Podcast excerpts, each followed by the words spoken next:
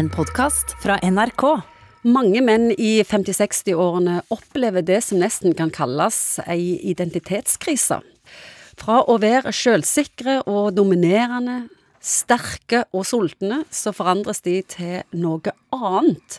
De blir mer engstelige, følsomme, de reflekterer mer og blir på mange måter klokere. Og psykolog Egon Hagen, var det sånn cirka greit beskrevet det som ofte skjer? Ja, Dette kan skje. at Synkende testosteronnivå, så får du liksom disse forandringene som du beskriver. egentlig.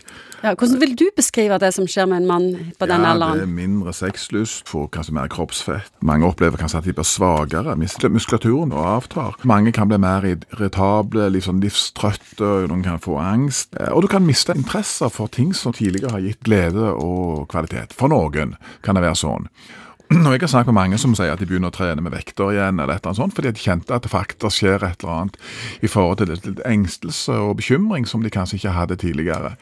Og dette er jo ting som handler om mannens overgangsalder, som det ikke har vært snakket så mye om faktisk som, som kvinners.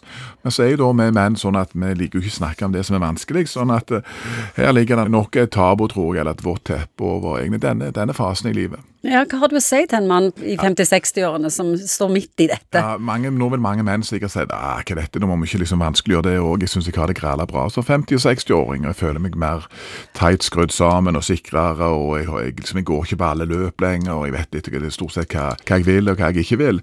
Så til tross for disse hormonelle forandringene, så er det mange som òg opplever at de er i en sånn psykologisk høstingsfase for å ha levd liv og ganske mange kilometer på landeveien som gjør at du føler deg litt bedre skrudd sammen, faktisk, enn det var før. Noen lener seg inn i det og blir feite, kastrerte hannkatter, mens andre kjøper sykkelbukser og Ja, Når vi ser oss rundt, så kjenner jeg ganske mange i sykkelbukser, altså, eller PT, eller et eller annet sånt, som tenker at det ikke taler om altså, jeg har tenkt å ikke gi meg uten kamp.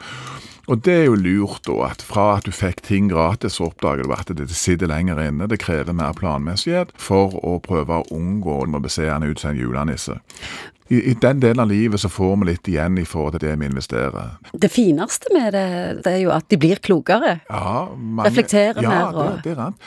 Og mange koner, kanskje si, eller unger vil kanskje si at eh, far er mye mer tilgjengelig nå, og ikke så bombastiske, og, og mer lyttende faktisk i liksom disse modne årene. Og det er kanskje noe av eh, den positive effekten av at dette testosteronspeilet er litt synkende. Hvorfor er det så vanskelig å akseptere for mange, det som skjer?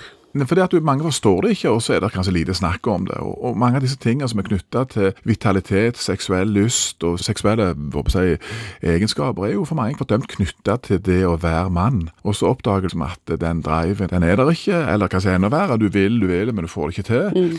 Og da, eh, Så mange opplever at dette går selvfølgelig på identiteten. Hvem er jeg, og hvordan ser jeg på meg sjøl? Og så oppdager du at du ser i speilet, så ser den fyren som stirrer tilbake på deg, litt annerledes ut enn det. Kanskje får du linser òg, så da ser du virkelig hvordan det ser ut. Ingen nevnt, ingen glemt. Så en må rett og slett lene seg inn eh, og prøve å stå støtt i en ny identitet. Ja, du må liksom reforhandle litt kontrakten med deg sjøl, og samtidig ikke tillate deg bare det der å slippe seg over. Og det, Dere damer er jo mye flinkere på mange måter å ta vare på dere sjøl, og plutselig så oppdager menn da at hvis det ikke skal bli sånn julenissegreier, så, så må du faktisk skjerpe deg litt. Du har hørt en podkast fra NRK. Hør flere podkaster og din NRK-kanal i appen NRK Radio.